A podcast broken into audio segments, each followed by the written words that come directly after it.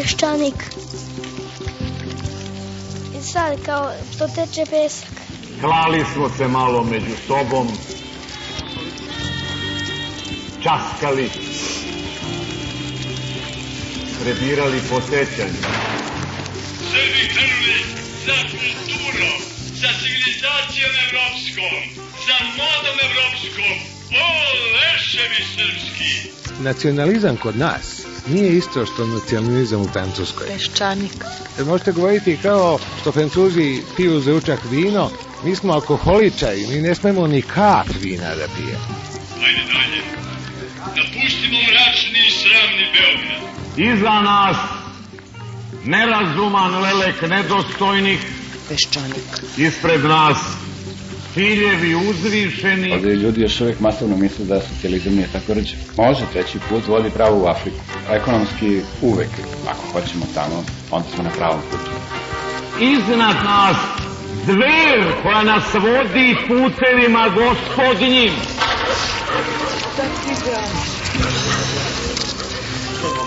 I da ne zatvorim oči, Peščanik. ja mogu da zamislim Srbiju kao najdinamičniju zemlju na Balkanu i jednu košnicu sa malo trutova i puno radilica.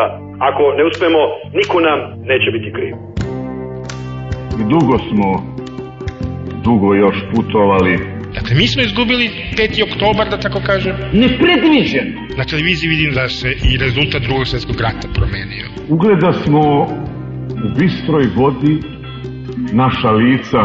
Prema tome, ja očekujem da će Srbija krenuti u nešto novo tek kad pobedi Turke na Kosovo.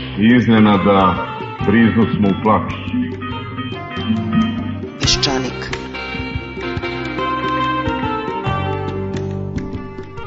Danas, poslednjeg dana maja leta gospodnjeg 2003.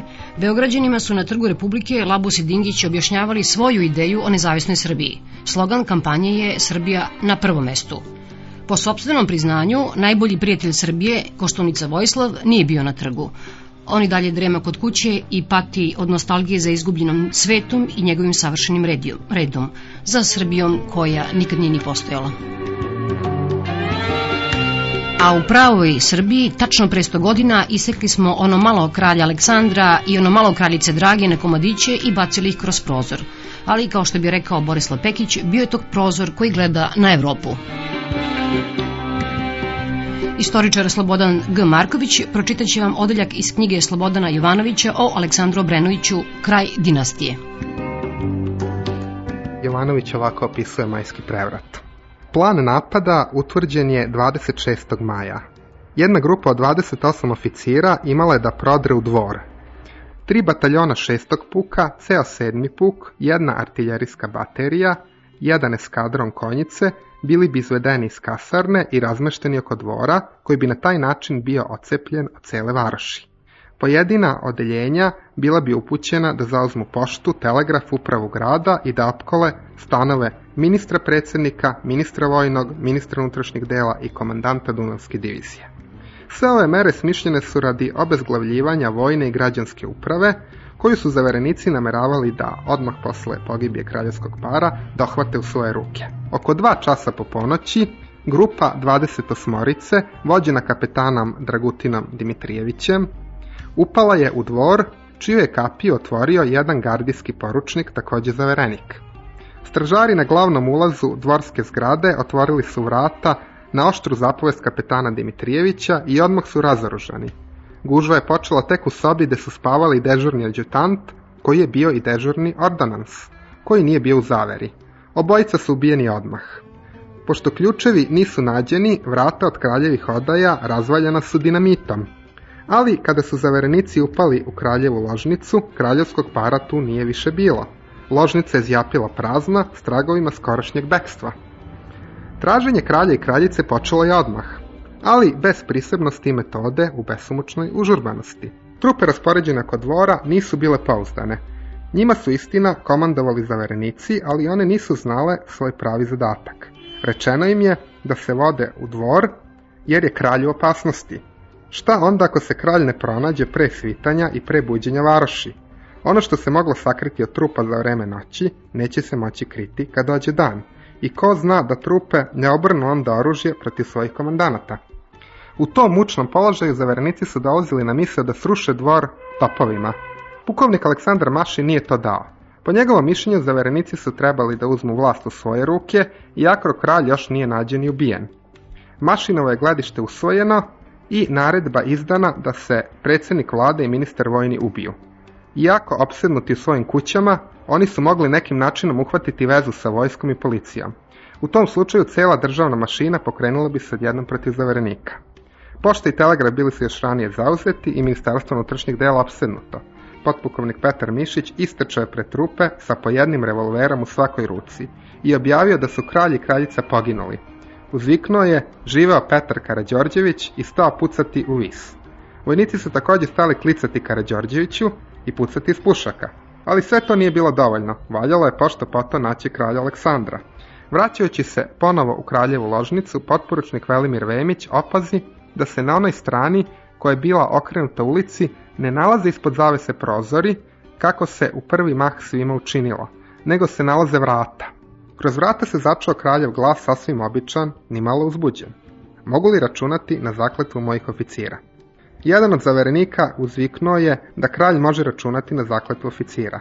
Kaže se da su ostali zaverenici uzviknuli da ne može, ali ovo kazivanje ne izgleda sasvim sigurno. Kako bilo da bilo, vrata su se otvorila i čim su ugledali pred sobom kralja i kraljicu, zaverenici su pripucali. I ona i on izrešetani su kuršumima, ona je kasapljena i mrcvarena, još i sabljama.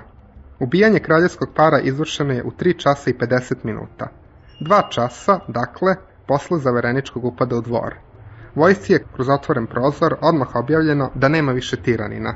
Ubrzo zatim, krvava i gola tela kraljevskih supružnika bila su izbačena u dvorište. Tela su tu ležala satima. Najzad su ubačene u metalne sanduke i oko 11 časova uveče jednim običnim taljigama u pratnji odreda žandarma preveženo u crkvu Svetog Marka. Posle opela, posmrtni ostaci kraljevskog para spušteni su u grobnicu. Grobnica je odmah zazidana. Kralj Aleksandar Obrenović ubijen je u svojoj 27. a kraljica Draga u svojoj 39. godini. Jedan deo opljačkanih ličnih stvari kralja Aleksandra i kraljice Drage prodavan je u Londonu u novembru 904. Na prodaju su bili ponuđeni pored ostalog kraljeva uniforma i venčana haljina kraljice Drage. Čedomilj Mijatović, poslanik Kraljevine Srbije u Londonu u vreme ubistva kralja Aleksandra i kraljice Drage, rekao je Izašao sam iz sale potresen i zastiđen što sam doživao da prisustvujem licitacionoj prodaji stvari jedne srpske kraljice. Iz knjige Vase Kazimirovića Crna ruka. Slušate gospodina Desimira Tošića. Kad sam pisao prvi rad na francuskom jeziku kao maturant, pisao sam sukob dveju dinastije. Mene je to jako intrigiralo, jer sam čitao vrlo rano Slobodana Jovanovića. Slobodan koji je bio vrlo pažljiv u izražavanju, on je za Miljana Obrenovića rekao najteža osuda koja postoji, ja ne znam za drugog kraja da to postoji. Čovjek bez nacionalnog osjećanja, patriotskog ili tako nešto. Oni su bili vrlo svi inteligentniji od Karađorđevića. Sada to ubistvo, znate, ja razumem e, Engleze, kao što znate, koji su odmah prekinuli diplomatske odnose. I sad sam video iz studija našeg mladog istoričara Slobodana Markovića da je taj prekid sa nama diplomatskih odnosa kod Engleza, odnosno kod Britanaca, nije bio toliko vladin problem koliko je monarhija, znate, kralj britanski je smatrao da se sa takvom državom ne mogu održavati veze koji ne samo da ubijaju kralje, nego ih seku malo na komade, kao da ih spremaju za roštalj i bace kroz prozor. Dakle, zaista je to bilo divljaštvo iz prve klase. Tako kako su ih ubili, ja mislim da to mnogo teži problem bio tada, ja mislim za našu istoriju i sada, jer e, nije bilo izazova. Znate, u istoriji dođu trenuci kad nemate alternative. To je recimo kao 27. mart. Državni udar 27. marta nije ni herojsko, ni super političko delo, ali nemate gde. Tako je to bio. On je ne samo napravio jednu zemlju koju se ustav menjao, tako reći, svake nedelje, smenjivao vlade, dovodio male pacove u svoju vladu, a ta žena je pravila tu, ovako da kažem, počinje problem koji vjerojatno vas muči, a to je utjecaj žene u politici, znate, Draga je igrala veliku ulogu, znate, i ona se izmotavala, tako je onda ona se nosila u noši od carice Milice i tako izigravala je kao prvu srpsku kraljicu, znate, Za nas nije važno da je kralj dobar, nego da je naše krvi. Ako je naše krvi, možda bude izlikovac i lopov, ali naš je. Ono se kaže za naše, naše ove teroriste, kaže, jeste, kaže, pljačkao po Švedskoj Nemačkoj neki nacionalni heroj, kaže, ali nije pljačkao naše banke, nego tuđi. Tako da, bilo je neminovno, znate, ja žalim što su ih oni tako masakrirali, ali nije se to moglo izbeći i ja mislim da je Aleksandar bio ovako popustio na neki način moralno, mentalno, posle da psihopatski tip. Ima nekih indicija da se on spremao da se odvoji od žene, više zbog naslednika nego zbog nje, ali on to ne bi mogao da izvede, pošto je on bio slabić, znate, jedan, iako je bio vrlo sposobno čovjek, on je bio bistar, očevidno je bio daleko bistriji da napravi poređenje sa nekim prestolom naslednicima, tako da ja nemam nikakvu žal ovako kao što sada imaju ljudi za 20. ko 5. maj za Josipom Brozom, ja u svakom slučaju ne žalim za Aleksandra Obrenovića.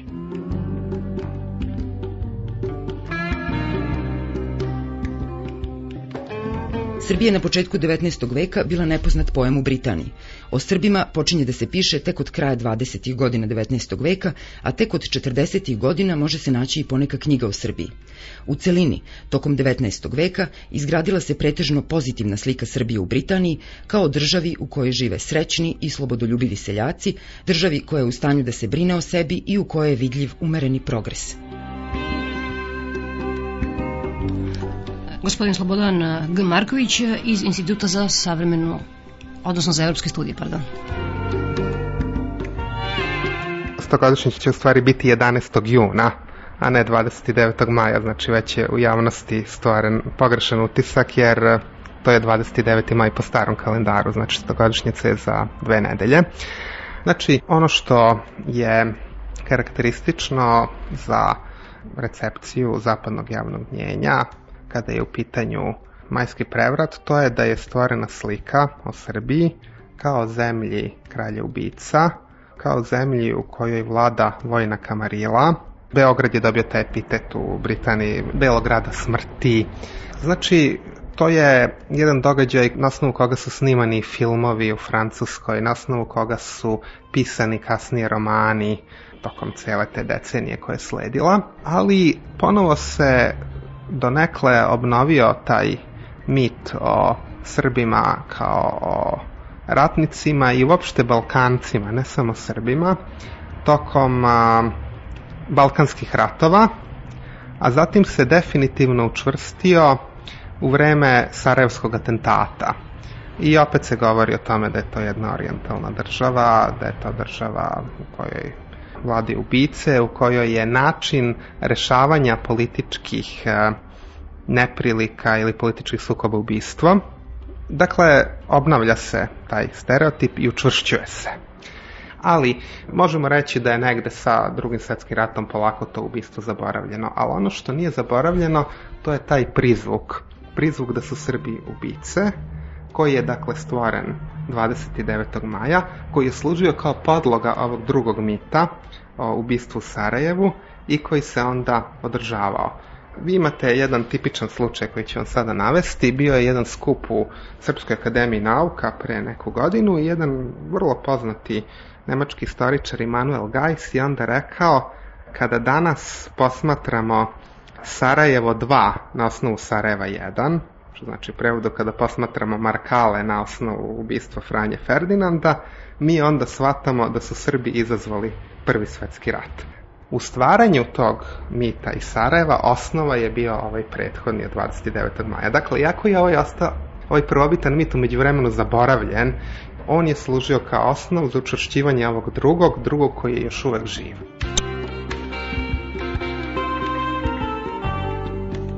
Ovde su se ispoljile sve crte vizantijsko-slovenskog karaktera, silovita i trenutna razdražljivost, odvratnost prema redovnom poslu, sklonost ka raspusnom životu, ludačka potreba za uništavanjem.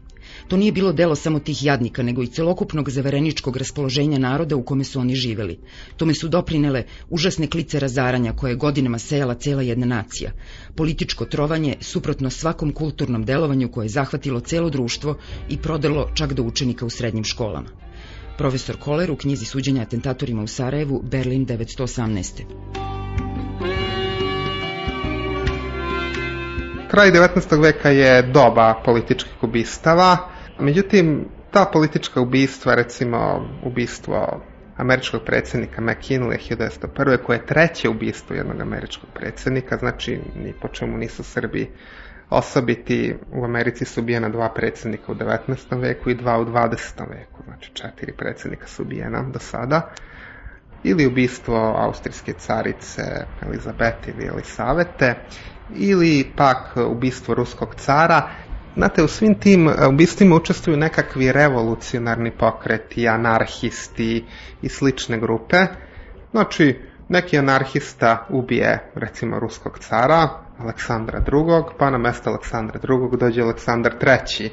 Ono što je specifično u događajima od 29. maja 11. juna 1903. je da je jedna grupa oficira, osim toga tu su bili prvaci stranaka, pre svega liberalne i naprednjačke, prvaci svih stranaka su znali da će ubistvo biti izvršeno. Dakle, izvršenje ubistva je specifično po tome što u njemu učestvuju zvaničnici državni i ono što je još neobičnije, to je da u novu vladu, znači tu revolucionarnu koja je formirana tog dana, 29. maja, nakon ubistva, ulaze polovina članova vlade su zaverenici. Dakle, ljudi koji su učestvovali u ubistvu, oni ulaze u vladu. Ljudi koji učestvuju u ubistvu, ne znam, američkog predsjednika ili austrijske carice, to je neki anarhiste, uhapse ga pa ga posle, ne znam, ili mu sude ili ga pošalju ludnica. Ovde imate situaciju da polovinu vlade čine zaverenici.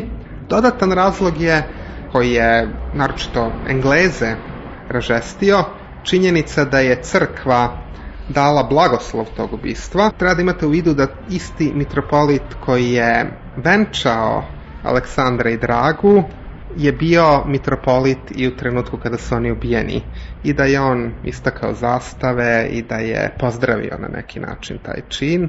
Isto tako, kralje ubicama je aplaudirano i u Skupštini. I onda se stekao utisak u evropskom javnom mnjenju da ubicama u Beogradu aplaudira cela politička elita, da ih podržava crkva, da ih podržava javno mnjenje i onda se postavilo pitanje kakva je u stvari to zemlja u kojoj takvim ljudima odaju najveće počasti. Srbija koja je pre Prvog svetskog rata imala 4 miliona stanovnika, žrtvovala je milion ljudi zbog zablude da ona postoji kao država samo zato da bi smrvila veliku susednu monarhiju. Srbi su toliki šovinisti da se umesto idealu ljudskog morala klanjaju idolu nacionalizma. Srpski intelektualci po prirodi su izrodi i grubijani. Ubistvo je u Srbiji sredstvo unutrašnje i spoljne politike. Leopold Mandl, novinar u Berlinu 917. Došao je novi kralj, održani su skoro novi izbori, znači vlada je dobila legitimitet i sad postavilo se pitanje šta sada činiti da dođe do izmirenja sa svetom, jer 1903. nakon prevrata dve su vlade prekinule diplomatske odnose, znači vlada Ujedinjenog kraljestva i kraljevine Holandije. I sad se postavilo pitanje šta sad treba učiniti, pre svega šta treba učiniti da bi se zadovoljila britanska imperija, jer to je imperija koja u to vreme pokriva četvrtinu četvrtinu zemaljske kugle. Krajem 1903. izgledalo da će ta britanska akcija koja je zahtevala da se ubice kazne, da uspe, jer je nastupio diplomatski bojkot. Svi su povukli diplomatske predstavnike iz Beograda, ali pod jednim čudnim obrazloženjem. Oni su otišli za božićne praznike, ali se nisu vratili. Ta kulminacija, da kažem, pritisaka diplomatskih se završila tako što su uklonjeni iz kraljeve pratnje, znači iz redova đutanata, uklonjeni su oni koji su učestvovali u ubistvu, jer to je bilo posebno uvredljivo za strane diplomate, pošto naravno kralj je išao u pratnji svojih adjutanata i onda su i oni morali da dolaze u kontakt. Znači, taj prvi, da kažem, krug se završio tako što su oni uklonjeni, ali su napređeni. Obojica adjutanata su otišli na više položaje. Dakle, s jedne strane imate kralje ubice koji su vrlo moćne na dvoru, ne znate šta one dalje mogu da urade, da li mogu da ubiju možda i novog vladara. I onda s druge strane imate Britaniju. I sad znate, tu su vlade kalkulisale, ali od 905. je jasno bila namera srpske vlade da nešto učini. Konačno je vlada Nikole Pašića uspela da postigne jedan dogovor. ona je ponudila da se penzioniše četiri učesnika glavna u prevratu, Britanija je tražila šest, na kraju penzionisano pet, jedan se sam povukao, ali svako od njih je dobio 60.000 franaka, to je velika suma, suma koju mi je lično dao kralj Petar za koju je pozajmio novac od države i kasnije vraćao uredno.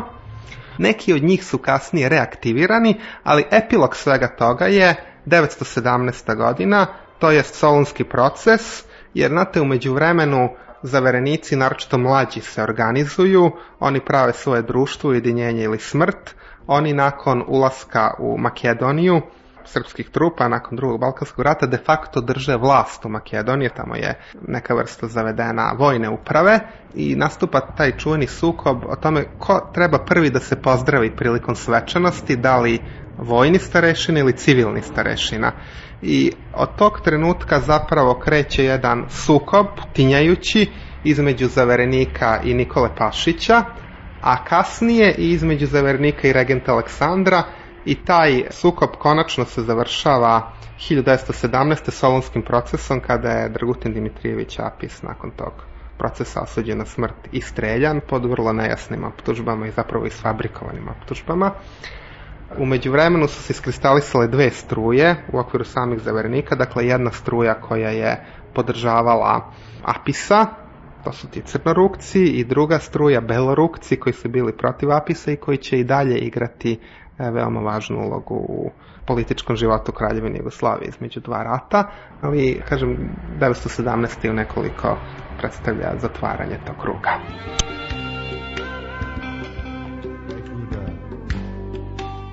U ratovima za jugoslovensko nasledđe u 90. godinama obnovljena je slika Srba kao, kao neke vrste, eto da kažemo, divljaka i srpske vojske kao neke vrste kriminalne organizacije koja ubija po Balkanu. Znači, ako ste vi neki strani novinar i sad odjednom vam neko kaže Srbija, termin koji je nestao, znači Srbija nije pominjana, nije postojala, vi onda odete u Britansku biblioteku ili odete neku glavnu biblioteku u Parizu ili u Berlinu i onda pogledate šta ima tu o Srbiji i onda naravno najđete između ostalog na sve ove knjige koje su suđivale Srbiju za učešće u Prvom svetskom ratu ili za majski prevrat i onda to vam služi kao neka vrsta osnove za dalje prikazivanje. Ta tendencija je naravno najpre se može videti u nemačkim medijima, oni su prvi napravili tu vezu, ali može se videti čak i kod Britanaca jedna vrsta prevrednovanja srpske istorije.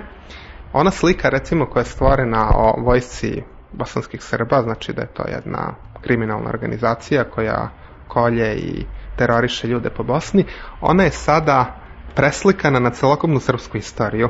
I sad čak u nekim učbenicima, vrlo uticajnim, znači koji se izučavaju na vojnim akademijama i koji predstavljaju bestsellere, danas kao što je recimo knjiga Johna Kigana o Prvom svetskom ratu, vi kada čitate opise srpskih vojnika iz Prvog svetskog rata, vidite da su oni na isti način opisani kako ta isti autor opisuje vojsko bosanskih Srba za vreme rata u Bosni. I recimo u Eurobarometru, dakle to je e, jedan instrument koji koristi Evropska unija da bi ispitala popularnost određenih zemalja kandidata za ulazak u Evropsku uniju, Slovenija je dugo bila na samom dnu i to je bilo potpuno zaprepašćenje. Zašto Slovenija na dnu kada je ona jedina ispunjava uslove da uđe?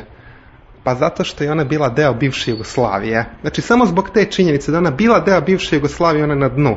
Jer znate, vi generalizujete i sad kad kažete Slovenija, prva asocijacija to je neka bivša Jugoslavija, znači to je nešto negativno, ne ulazite vi sad u detalje. Sad zaista kad je Slovenija imala takav imidž, da je onda tek u ovom trenutku imidž Srbije.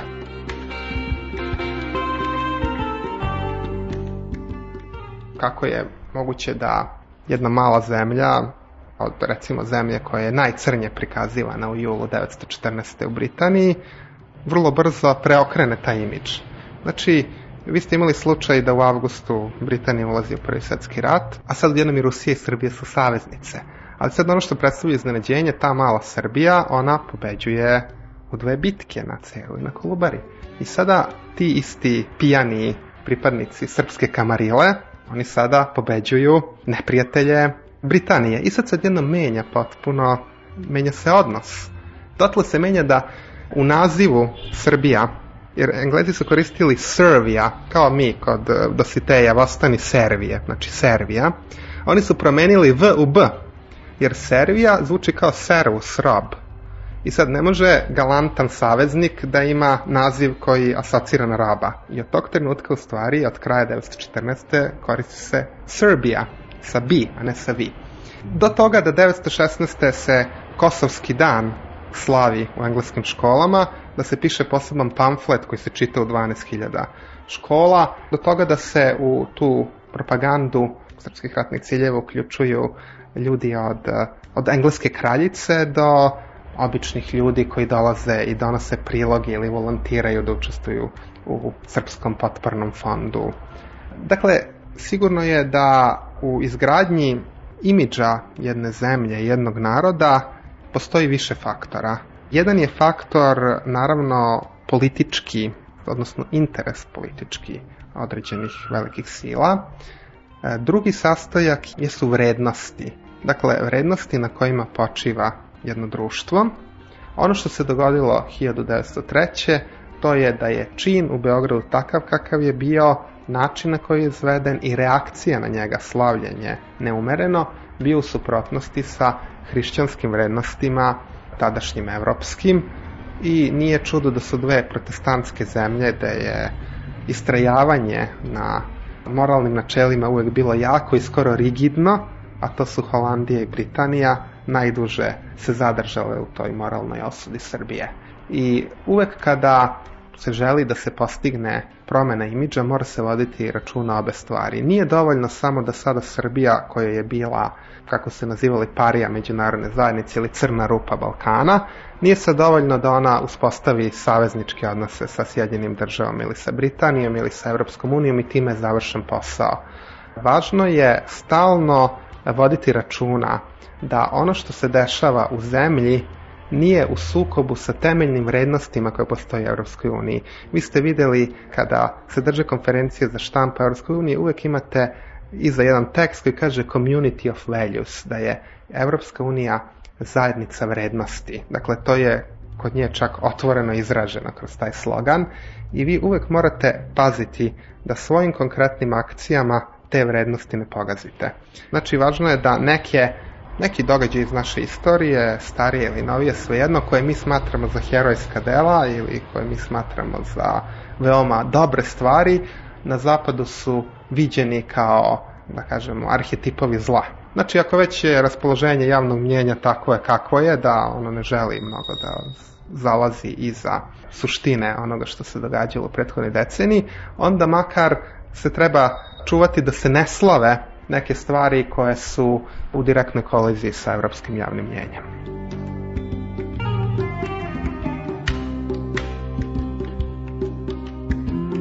Kao što čujete, Evropa je jasna i bezobrazna još od 1903. godine, pa evo do 2003. se te bezobrazluk proteže. Poruke su jasne, međutim izgleda da je, nisu dobro pročitali ljudi u G17+, odnosno njihovu ideju o nezavisnoj Srbiji, specijalni zaslani generalnog sekretara Savjeta Evrope, gospođa Verena Taylor rekla je da su te izjave o nezavisnoj Srbiji ishitrene i nepromišljene i kaže evropske institucije nisu uložile toliko pomoći pri pravljanju ustavne povelje da bi sada gledale kako taj napor propada. No, gospodin Labus a, dostojanstveno istrajava i danas je na Trgu Republike, dakle, objašnjavamo Beograđanima svoju ideju svoje nezavisne Srbije. Mi gubimo vreme zato što se ne bavimo onim pitanjima kojima treba da se brinemo. Znači, potrebno je da uredimo našu kuću ako hoćemo da dovedemo investitore. Evo šta o najmlađi partiji G17 Plus misle potpredsednik Demokratskog centra gospodin Desimir Tošić i sociolog politike Jovo Bakić. G17 to isto je jedna izvaredna prepotencija. Ljudi koji su sposobni, stručnjaci, to ne može niko da spori, drže se, u stvari kao da oni vladaju, pošto drže Narodnu banku. I ne smete vi njih da smenite, kad se pomene pitanje smenjivanja Narodne banke, no to se obećava revolucija, što pokazuje da G17 bazično jedna tipična nedemokratska organizacija. Kakve su to pretnje? Zamislite da vi tu u Nemačkoj ili u Francuskoj kažete gore Narodne banke mora da ide, neka stranka, jel A on kaže, ako ja odem, ima da bude katastrofa. Šta je to? To je ucenjivanje. Sad zamislite ovo što je najinteresantnije, što je recimo demohrišćanska protiv Jugoslavije, recimo da to razumemo. Kako bi hrišćani bili za zajednicu, hrišćani su za cepanje. Međutim, molim vas, G17 je radio na povelji, učestvo u saveznoj vladi. Pa ne sviđa im se povelja i rad. I meni se ne sviđa. Ali mi smo to uradili pod pritiskom međunarodne zajednice, sve Europske unije. Nas, Europska unija, onako kao što nas je rasturala 1991. godine, tako sad nas ujedinjuje i oni nisu mnogo pametni, znate, to morate da vodite računa. E, pazite, ali to je vrlo važno. Vi ste učestvali u tome, vi znate da to nije naša, da kažem, autohtona želja. I sad vi vama to ne ide, to ni, pa ne može da ide dobro, razumete? Ta zajednica se pravi posljednjih šest meseci, kako to može da ide odmah dobro? Iako ja priznajem da je Đukanović napravio jednu strašnu stvar, on je sve Marovića, sve ljude u vladu zajednice poslao koji su bili nosioci separatističkog pokreta. To se nigde na svetu ne radi, ali očevidno da Đukanović igra neku svoju politiku ja ne razumem niti odobrava. I Čović vas je imao utisak iznenadio? Mislite da je Pa konstruktivno? jesi iznenadio, pošto ja njega vrlo cenim. Cenio sam ga čak kad je bio socijalistički. znate. A onda ona njegov, ona njegov gest kad je Zoran Đinć izabran za gradonačelnika, mu je on čestitao pred televizijom. To sam smatrao velikim kulturnim događajem. I ovo što radi na Kosovu, to je izvanredno. Bez obzira da li se vi slažete negde sa njegovim postupkom ili ne. To je sad za diskusiju, znate. Tako da mi je žao što je to, ja sam tražio ovu damu koju malo poznajem, Nadu Kulužiju, da se žalim, da lamentiram povodom Čovićeva postupka, međutim nisam je našao, ja sam prepustio to Božim zakonom.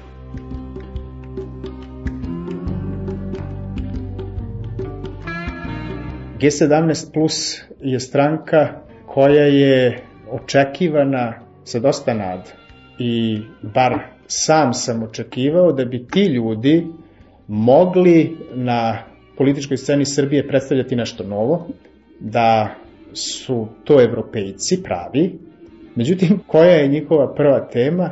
Prva tema da Srbija bude nezavisna. Oni do duše daju ekonomsku argumentaciju i utoliko gore, zato što svi nacionalistički argumenti od 45. na ovam su se upravo bazirali na ekonomskoj kvazi argumentaciji. Mi smo na dobitku ili na gubitku, zavisno od toga da li smo u Jugoslaviji ili van nje. U ovom slučaju G17 plus kaže gde bi nama kraj bio da nije Crne Gore. Oni nas zaustavljaju. Pa zar je moguće da neko očekuje da će Srbija sjajno da se slaže sa Nemačkom, Francuskom, Italijom, Španijom, ali sa Crnom Gorom, gde govorimo isti jezik, gde smo živeli zajedno toliko dugo, gde recimo u Crnoj Gori i dalje polovina stanovništva za sebe smatra da su Srbi, sa njima ne možemo nikako. Nikako ne možemo.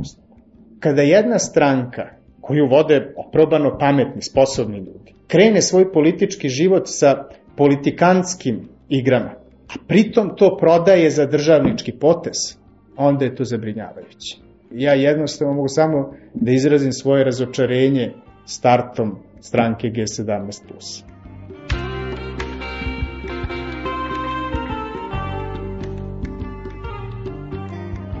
G17 plus, oni bi želeli da budu moderni konzervativci, što nije loše. Vrlo često su konzervativni političari činili modernizacijske proboje u istoriji Srbije i Jugoslavije. Primjera radi Stojan Novaković i naprednjačka stranka Srbije kao klasična konzervativna stranka je učinila najviše na modernizaciji Srbije u 19. veku.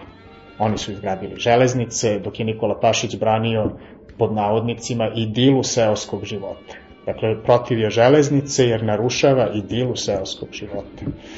Čedomilj Mijatović, tadašnji ministar saobraćaja, uspeo da izgura prvu železnicu Beograd-Vranje 1884. To napravljeno. To je samo primer koji ilustruje modernizacijski potencijal jedne konzervativne stranke. Drugi primer jeste Milan Stojadinović, koji je bio izraziti konzervativac. Međutim, on je uspešnom i pragmatičnom ekonomskom politikom. Zoran Đinjić je pomalo na njega podsjećao, dakle ne mnogo načelan, ali izrazito sposoban i pragmatičan. On je prvi u privredi nekadašnje kraljevine Jugoslavije uveo neki red. Omladina mu je klicala, do duše stranačka, da je jugoslovenski Roosevelt i zaista on je pod uticajem Roosevelta sprovodio neke privredne mere, dakle nešto što je ličilo na New Deal, to je bilo modernizacijskih pomaka, recimo dinar je takođe bio konvertibilan, nešto se kretalo. Danas, ako bi Miroljub Labus mogao nešto slično da odigra u današnjoj Srbiji, bi bilo dobro.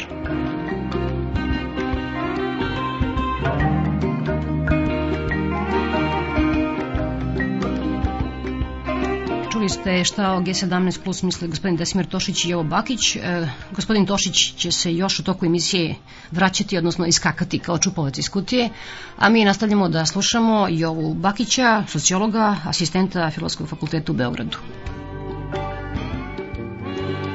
Kao sociolog politike potpuno sam svestan da je ovo parohijalno oslobodilačka politička kultura, da su tu političari uglavnom ili oduševljeni svojim prvoboračkim stažom i onda traže veće zasluge za sebe nego što im pripadaju, ili su pak e, potpuno učaureni u jednu parohijalnost iz koje ne mogu pobeći i onda se bave sami sobom. Kao sociolog ja toga sam svestan. Međutim, kao građanin želim da živim u jednom pristojnom društvu. Kako da živim u pristojnom društvu ako političari jednostavno jesu neodgovorni.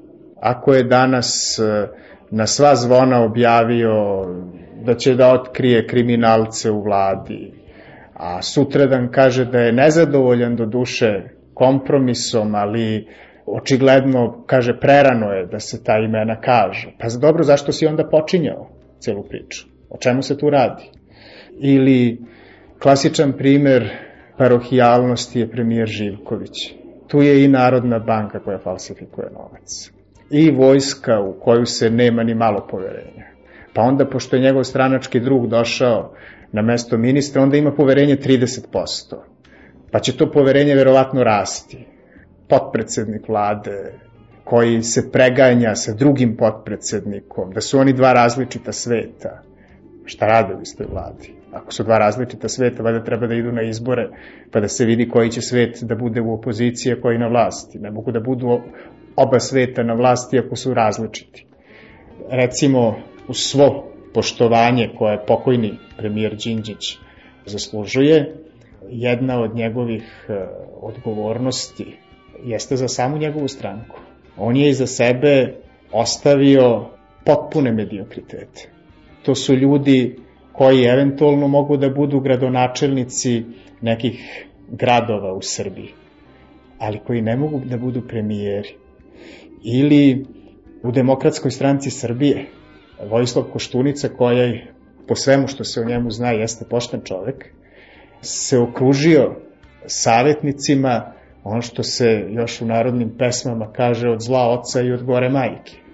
Ne znam, Vladan Batić, koji je nekad uživao moje simpatije zbog toga što se sa Vojislavom Šešeljom nosio dobro medijima. Ja sam mislio da on namerno čovek koristi niske udarce, jer to je jedini način da se nosite protiv protivnika koji ni od čega ne prese. A onda sam video da on sa pozicija vlasti se isto tako ponaša prema drugim ljudima koji nisu takvi, koji su pristojni, civilizovani ljudi. I to je prosto nešto što što je odvratno prema sudijama, prema recimo smenjenoj Leposavi Karamarković, koja je osoba od nesumnjivog integriteta.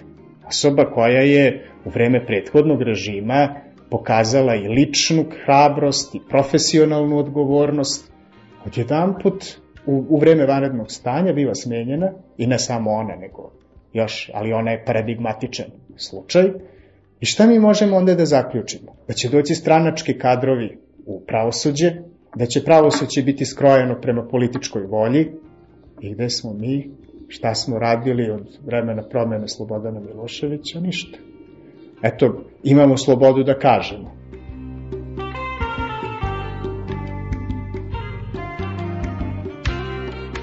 Te, te krađe glasova su prosto u tradiciji srpske politike. I Nikola Pašić je bio poznat po krađama izbora i po pritiscima na birače. Tako da se recimo u takozvano zlatno doba srpske demokratije od 903. do 914. Ključna stvar je bilo ko drži poziciju ministra unutrašnjih poslova. Onaj ko drži ministarstvo unutrašnjih poslova, taj fino smeni sve sreske načelnike koji su iz opozicije, a onda izvrši takav pritisak policijski na birače da vlada koja sprovodi izbore, ona uvek mora dobiti. I u tih od 3. do 14. vlada je uvek dobijala. Jedini pošteni izbori u srpskoj političkoj istoriji su izbori iz 905. kada je Ljubomir Stojanović, tadašnji vođ samostalnih radikala, kasnije su oni bili osnova formiranja demokratske stranke u međuratnoj Jugoslaviji, on je sproveo izbore bez policijskog pritiska, opet je do duše vlada dobila većinu, ali su čak i opozicionari priznavali da su to bili korektni izbori. Sve ostalo su bili, bile manipulacije, pritisci, bilo je i smrtnih slučajeva. Nikola Pašić je i Jugoslaviji nastavio sa krađom izbora. Svi znamo šta je Slobodan Milošević radio na izborima. Ovi sada nisu krali na izborima, ali šta, šta se radi u parlamentu? U jednom momentu, to je do duše Ustavni sud e, proglasio nevažećim i to je već e, ispravljeno. E, Demokratska stranka Srbije bila isterana iz parlamenta, što je pravi parlamentarni skandal. Jednostavno, ovde se pravila igre ne poštuju. Pitanje da li ih ima. I vi nikad ne znate da li ćete iz zatvora u vladu ili iz vlade u opoziciju ili ćete biti ubijeni Jednostavno, to je prosto tako. I da ilustrujem konkretnim istorijskim primerima, Stjepan Radić je, na primer, iz zatvora direktno ušao u vladu. Dakle, Nikola Pašić ga je strpao u zatvor, kao političkog zatvorenika, optužba je bila zbog bolševizma. I Radić je posle u zatvoru pristao da izbaci ono republikanska iz naziva stranke, pa je ostala samo Hrvatska seljačka stranka, prihvatio Karadžorđevića za dinastiju I onda je direktno iz zatvora došao za ministra prosvete. I u vladi se zadržao dve godine. Posle toga je bio u parlamentu kao opozicionar i na kraju ubijen. Premijer Đinđić je ubijen. Pri tome, odjedan put mi se suočavamo sa nekom državnom tajnom o tome da mi ne možemo da znamo zbog čega, da li iko može da mi objasni zbog čega mi kao građani ne bismo mogli da znamo ko je tu u obezbeđenju za taj. Zar to nije obaveza vlade da nas izvesti? A ona proglašava državnom tajnom to. Pa to je isto, izvinite, jedan skandal. Šta može da se proglasi državnom tajnom? Pa ono što podriva bezbedno zemlje. Da li podriva bezbedno zemlje ako mi saznamo detalje oko ubistva premijera?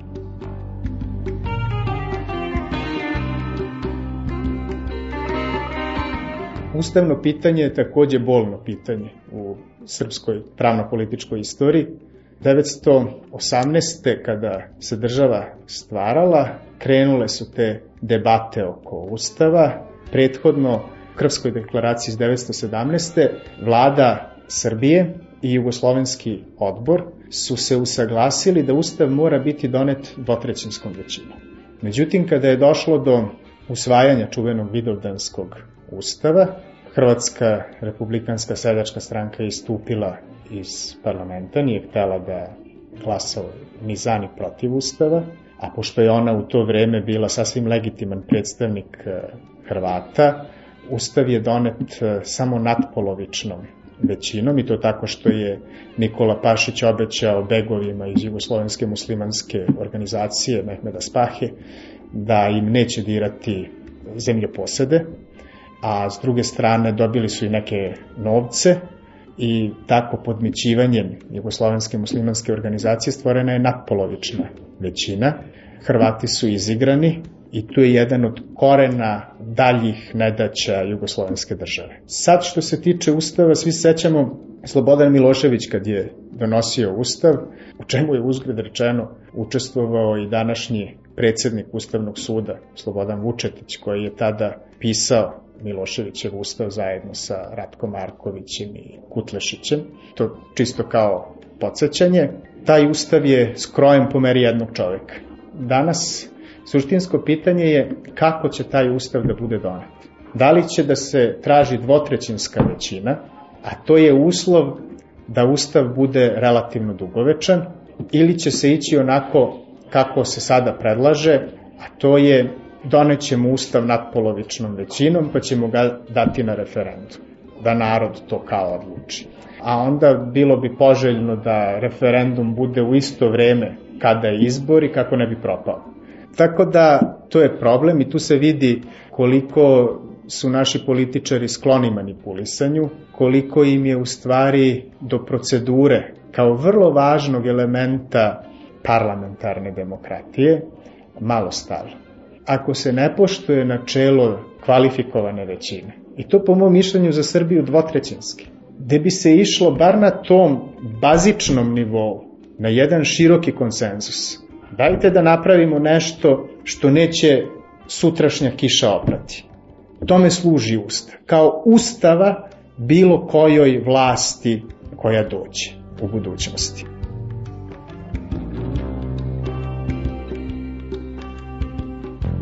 Sklon sam da verujem da će njegova smrt i on kao pokojni da znače više za liberale Srbije, dakle ne liberale Duška Mihajlovića da se razumemo, nego liberale u Srbiji, ljude slobodoumne, e, više će značiti nego li da je on živ.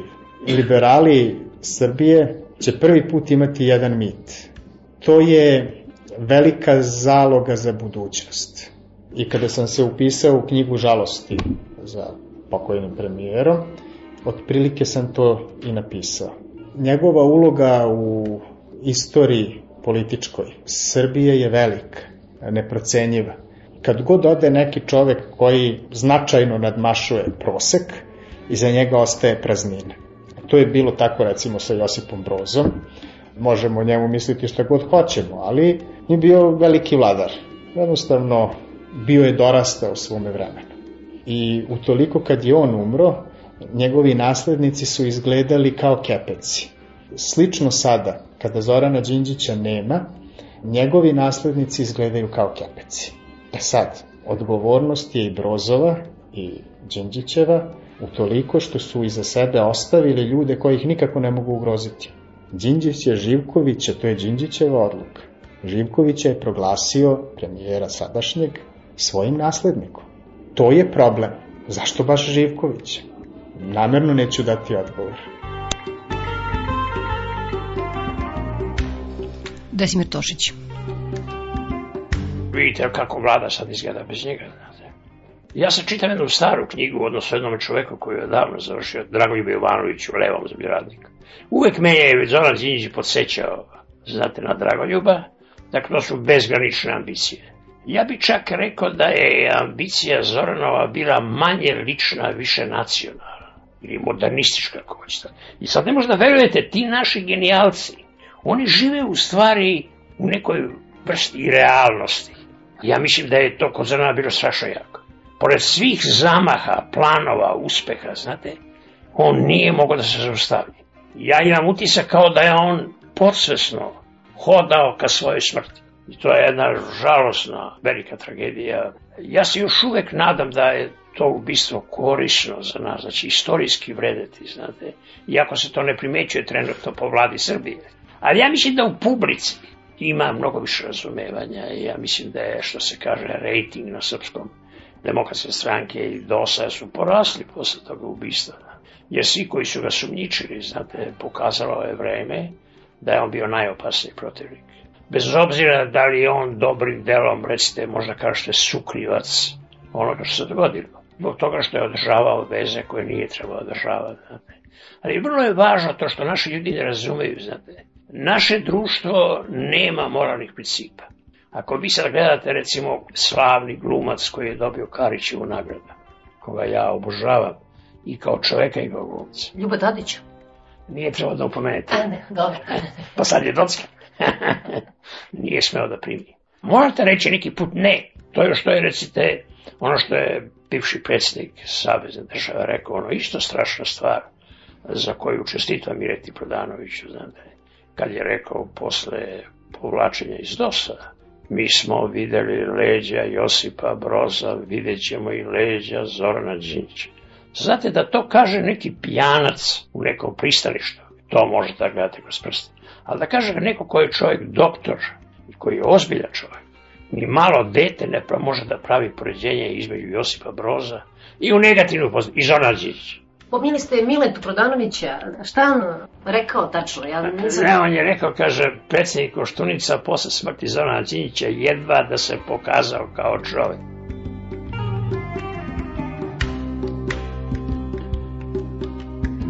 Ja mislim ovo što je uradila takozvana demokrišćanska stranka, da će to natrati na izbore prevremene. Ovo zamrzavanje članstva zbog samostalne Srbije, referenduma. Pa ja mislim, znate, ja mislim da će njega morati da pozovu kao Veselinova, da da ostavku. Kad vi radite protiv vlade u kojoj ste član, to je ovako, za decu bi to bilo smešno, ne znam šta znači za političke ljude. Vlada neće imati većinu, morat će da naprave izbore, kako će to sve da se završi. To ne znam, pošto znate, naša masa, ono što ne vidi ni Koštunica, ni G17, ni demokratska stranka, znate. Mi imamo jedno neuravnoteženo javno mnjenje. Kako je to politička masa koja prvo daje Miloševiću 10 godina većinu? Pa kad vidi da ne može Milošević da je spasi, onda da ogroman broj glasova Šešelju. Pa onda jednoj stranci koja je bila, ja kažem, samo veća od demokratskog centra, Koštunici davali su godinu, dve dana najveći broj glasa. Sad je, molim vas, na anketama je G17. Šta ti ljudi znaju o G17? Bog zna šta će biti pred izbore. Tako da je to jedna igra vrlo opasna. I ja mislim da je DOS i ostanak ove vlasti do iduće godine bio neophodan. Ali ako oni sami razruše, šta možemo mi da uradimo koji smo posmatrači građani?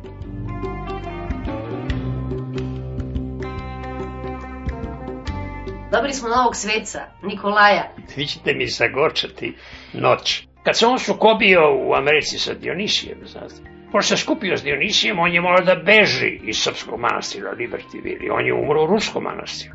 A onda je postalo problem koji ovde se ne postavlja, znate, izbegava se, gleda se za bašuri, to je njegovo političko angažovanje.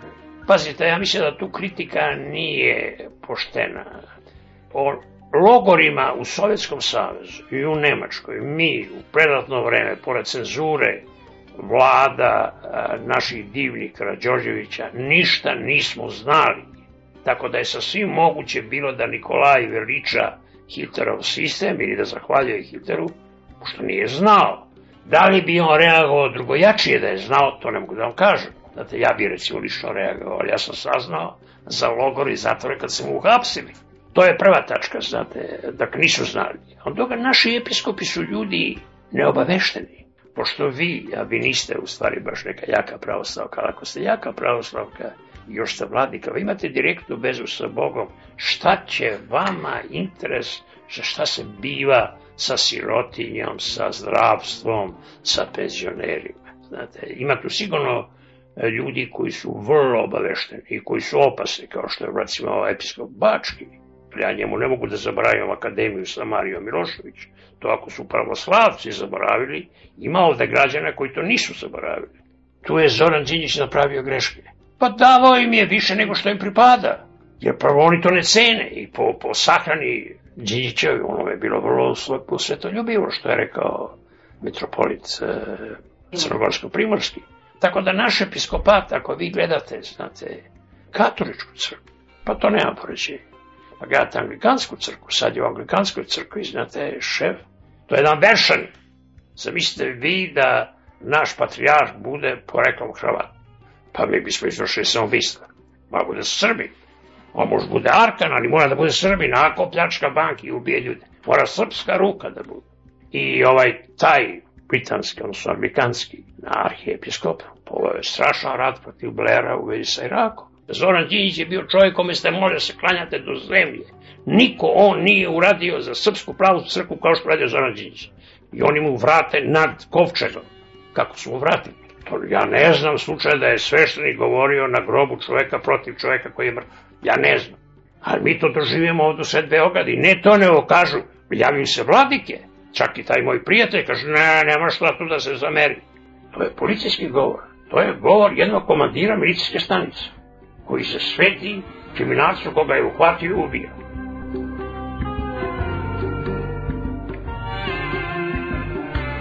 Bila je ovo Srbija. Emisiju Peščanik pripremili budući građani samostalne Srbije Marko Perunović i Nenad Branković i građanke Svetlana Vuković i Svetlana Lukić. Prijetno.